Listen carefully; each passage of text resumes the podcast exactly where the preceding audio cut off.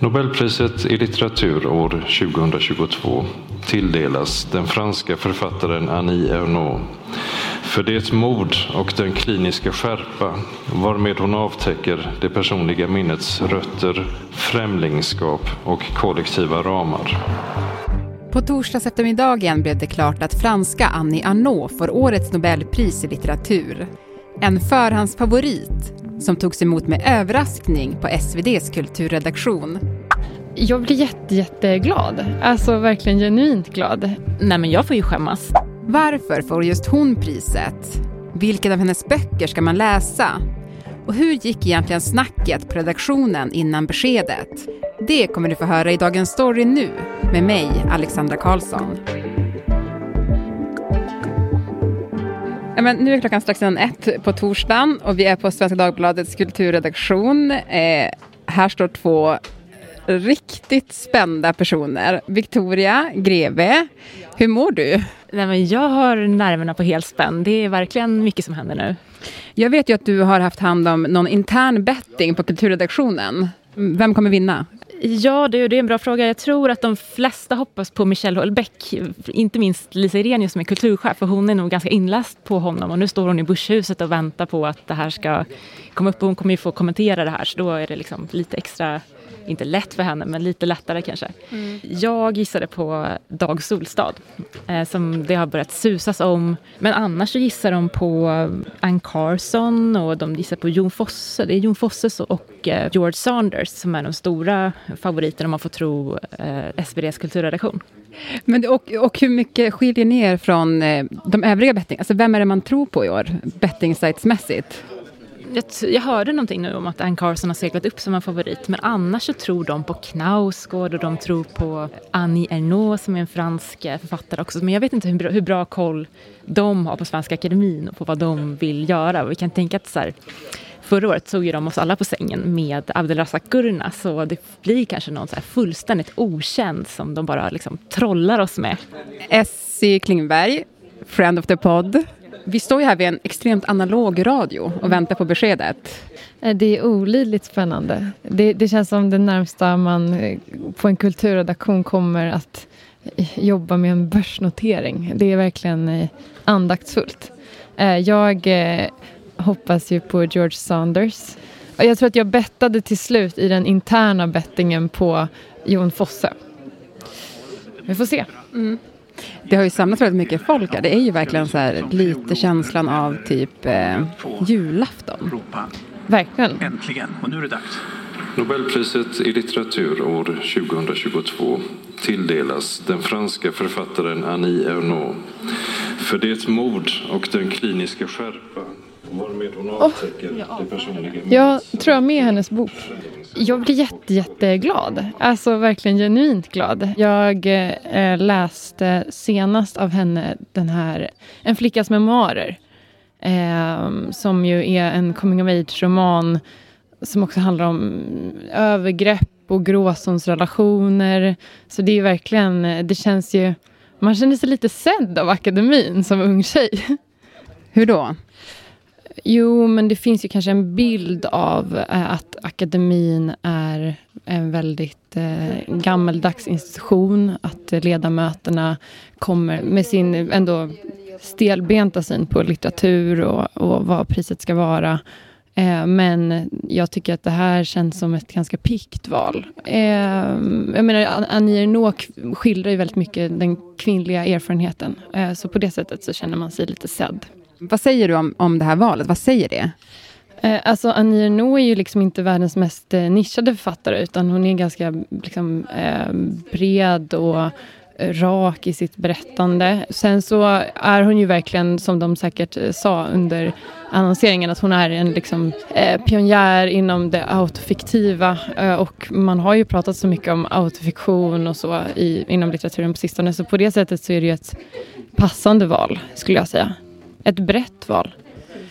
Hon är ju lite kanske Frankrikes Anne Svärd. Victoria, bettingen, hur gick det? Nej men jag får ju skämmas. Jag sa ju till er precis innan eh, radion gick igång där att de har bett Anja Ernaux låg bra till i bettingen, eh, i andras bettingar utom min då. Eh, och att det visar att de inte hade koll på Svenska Akademin. Men det visar som att det är jag som inte har någon koll. Så jag får, jag vet inte, svälja mitt förtret och eh, om vi hade haft spelat om pengar så hade jag fått behålla alla själv antar jag. För ingen tror jag tipsade, tippade på Arneno hos oss. Det var helt enkelt ett för brett val av akademin för att man skulle kunna tro på det, eller? Ja, jag trodde de skulle trolla oss. Men det här är ett brett val och en, en författare som jag tror också kan bli ganska läst. Burrows furniture is built for the way you live. From ensuring easy assembly and disassembly to honoring highly requested new colors for their award-winning seating, they always have their customers in mind. Their modular seating is made out of durable materials to last and grow with you. And with Burrow, you always get fast, free shipping. Get up to 60% off during Burrow's Memorial Day sale at burrow.com slash ACAST. That's burrow.com slash ACAST. burrow.com slash ACAST.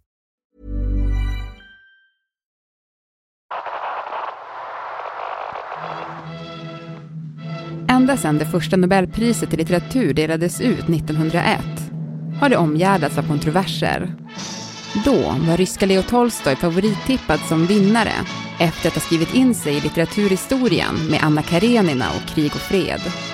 Men istället gavs priset till franska poeten Sully Prudhomme, ett resultat av juryns förakt mot Tolstojs radikala politiska och religiösa hållning och Sveriges historiska fiendskap med Ryssland, menade kritikerna.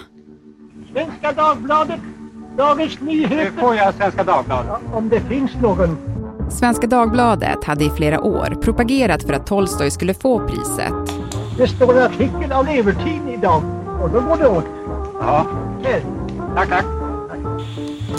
Kulturchefen Oskar Levertin kallade i en SvD-ledare juryns beslut en nationell förödmjukelse.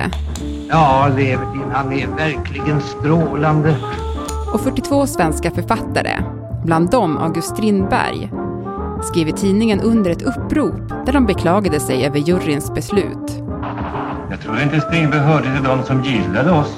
Han har väl märkt att Svenska Dagbladet är den enda tidning som håller kulturens fana högt. Han har väl det. Vad tyckte då Tolstoj själv? Jo, i ett svar till Levertin skrev han Kära och ärade kollegor. Jag blev mycket belåten över att inte ha tilldelats Nobelpriset. Är den bra Tolstoj? och vem som får, eller snarare inte får priset, leder ofta till het debatt världen över. Även i år har frågan om en rysk författare ska få ta emot priset varit omtvistad. Putin-kritikern Ludmila Ulitskaja har nämnts som en möjlig vinnare men skulle samtidigt innebära ett tydligt ställningstagande mot Rysslands attack och annekteringen av Ukraina.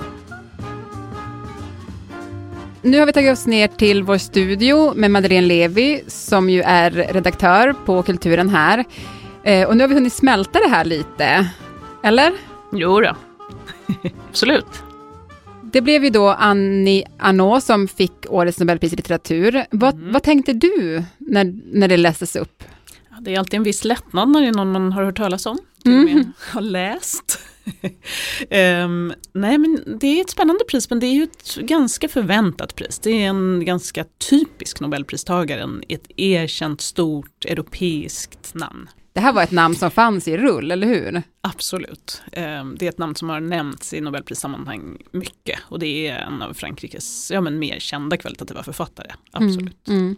Men du, vi pratade lite grann här också om att, att det finns även en liten besvikelse kring att hon fick priset. Jag tror att det finns väldigt mycket glädje och jag tror också att det finns, alltså det är ju, den här, det, är ju det här med Michel Houellebecq. Pourquoi pas Houellebecq? Ehm, det, även, ja, men både i Frankrike, men jag tror att vår litteraturredaktör Josefin de Gregorio också hade den där funderingen varför den här typen av självbiografiskt författarskap eh, snarare än, än någon som bygger en stor historia om samtiden. Mm. Ja, men ska vi gå in s- lite kort på, vad skriver eh, Annie Arnault för böcker? Mm. Annie Arnaults författarskap är ju självbiografiskt. Eh, hon tycker själv inte riktigt om den eh, beteckningen. Men hon använder sig av sin egen uppväxt ehm, i en väldigt enkel arbetarklassmiljö. Eh, men där föräldrarna alltid ville att hon skulle bli mer bildad än dem. Där det fanns en förhoppning om att hon skulle ha ett bättre liv. Hon är också en ganska typiskt franskt engagerad författare, ganska långt ut på vänstersidan. Hon har uttryckt eh, till exempel sina sympatier för de gula västarna. Vilket du kan se som lite kontroversiellt. Mm. Eh. Proteströrelse i Frankrike. Ja, precis. Ehm, och eh, där finns det ju en lång tradition av franska engagerade författare. Eh, Sartre är ju en annan av dem som fick Nobelpriset men tackade nej. Mm. ja, de är ett gäng karaktärer där i Frankrike. Mm. Eh, Daniel Björk, du är frilansjournalist och återkommande medarbetare på SvD Kultur och du bor i Paris. Hallå Daniel! Hej! Du, vad säger man i Frankrike? Ja, det är klart, alltså, som Madeleine sa så är Annie Ernaux en av de stora författarna här och det är klart att man tycker att hon är en värdig pristagare som eh, också säger något viktigt i, har något viktigt att säga i den franska kulturen och litteraturen. Du, du har ju träffat henne eh, i hennes hem utanför Paris eh, och skrev ett reportage om det i SvD. Det var 2020. Hur var det mötet? Men vi hade ett supertrevligt samtal, vi skrattade mycket och hon är väldigt alert men också väldigt precis när hon pratar. Liksom. Och hon bjöd på kaffe och eh, pratade, man ville bara sitta och prata. prata. Mm. Vad gjorde störst intryck på dig då? Ja, men alltså, jag tycker liksom att en sak som är väldigt intressant när hon pratar om hur hon skriver, liksom, att hon nästan ser sitt skrivande som sociologi. Att det inte finns någon skillnad. För det som Madeleine var inne på där med det självbiografiska, hon försöker ju allt mer ta bort jaget. Hon tycker att hon inte är självbiografisk av den anledningen. Det är som ett neutralt jag. Hon har kallat det för så typ transjag. Liksom, som, det är ett jag som tillhör alla på något sätt och inte bara henne. Mm. Vad tänkte du då när du hörde att hon hade fått Nobelpriset? Det kändes eh, jätteroligt och jättestort stort eh, naturligt också eftersom det inte alltid man har intervjuat en Nobelpristagare. Eh, så. Sen så tycker jag absolut att hon är väldigt värd det. Det gjorde stort, stort intryck på mig att läsa, läsa hennes böcker. Eh, särskilt åren så det gjorde väldigt stort intryck. Den klassas väl lite som hennes mästerverk. Så. Den är väldigt spännande för det är liksom typ en historisk fresk som liksom utgår på något sätt från henne. Men där har hon kanske dragit det till sin spets att ta bort att hon är nästan helt försvunnen ur boken så att det blir någon slags historia men som utgår från hennes liv och hennes minnen. Liksom. Annars är ju de här 80-talsböckerna som hon slog igenom med, som Min far och kvinnan, alltså korta och bra eh, på det sättet att de, de är också väldigt bra introduktion skulle jag säga. Men du Madeleine, är det här ett författarskap som vem som helst kan ta sig an? Ja men det tror jag absolut.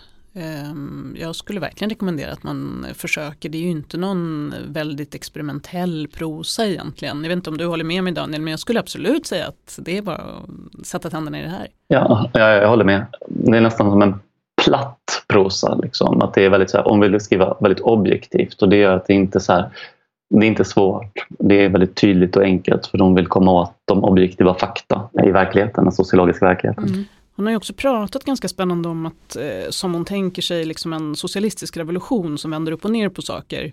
Eh, så vill ju hon lyfta upp andra ord och andra upplevelser som att åka pendeltåg eller att arbeta i en liten närbutik. Liksom en vardag som kanske inte är så, så sofistikerad men som hon har velat göra litteratur av. Mm.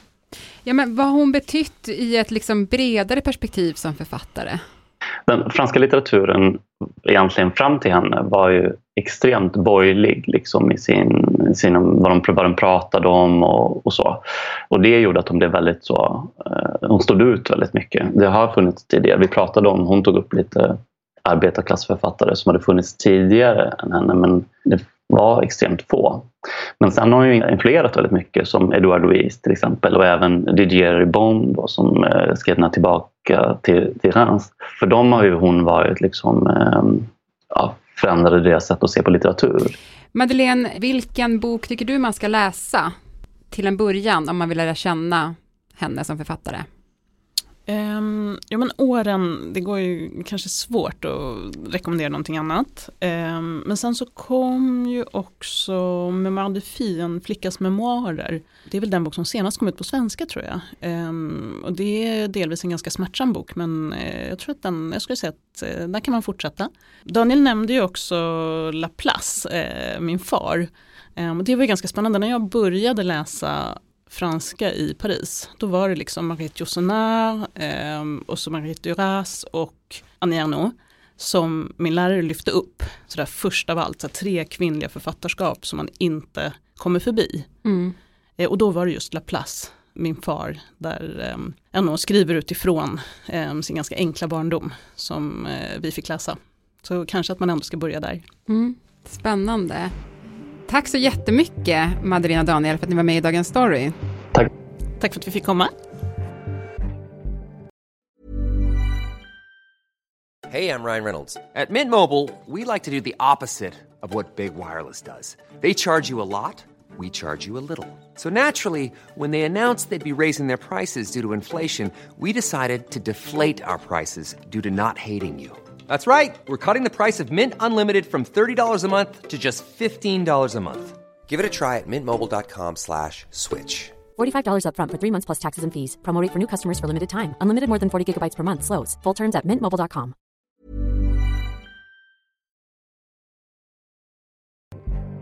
Programmet producerades av Kajsa Linderoth, redaktör Erika Hallhagen och jag heter Alexandra Karlsson. Vill du kontakta oss så mejla till dagensstory.svd.se. Ljudklippen i programmet kom från Sveriges Radio och filmen Det var då, det är nu. A lot can happen in the next three years. Like a chatbot may be your new best friend. But what won't change? Needing health insurance. United Healthcare Tri Term Medical Plans are available for these changing times. Underwritten by Golden Rule Insurance Company, they offer budget friendly, flexible coverage for people who are in between jobs or missed open enrollment. The plans last nearly three years in some states, with access to a nationwide network of doctors and hospitals. So, for whatever tomorrow brings, United Healthcare Tri Term Medical Plans may be for you. Learn more at uh1.com.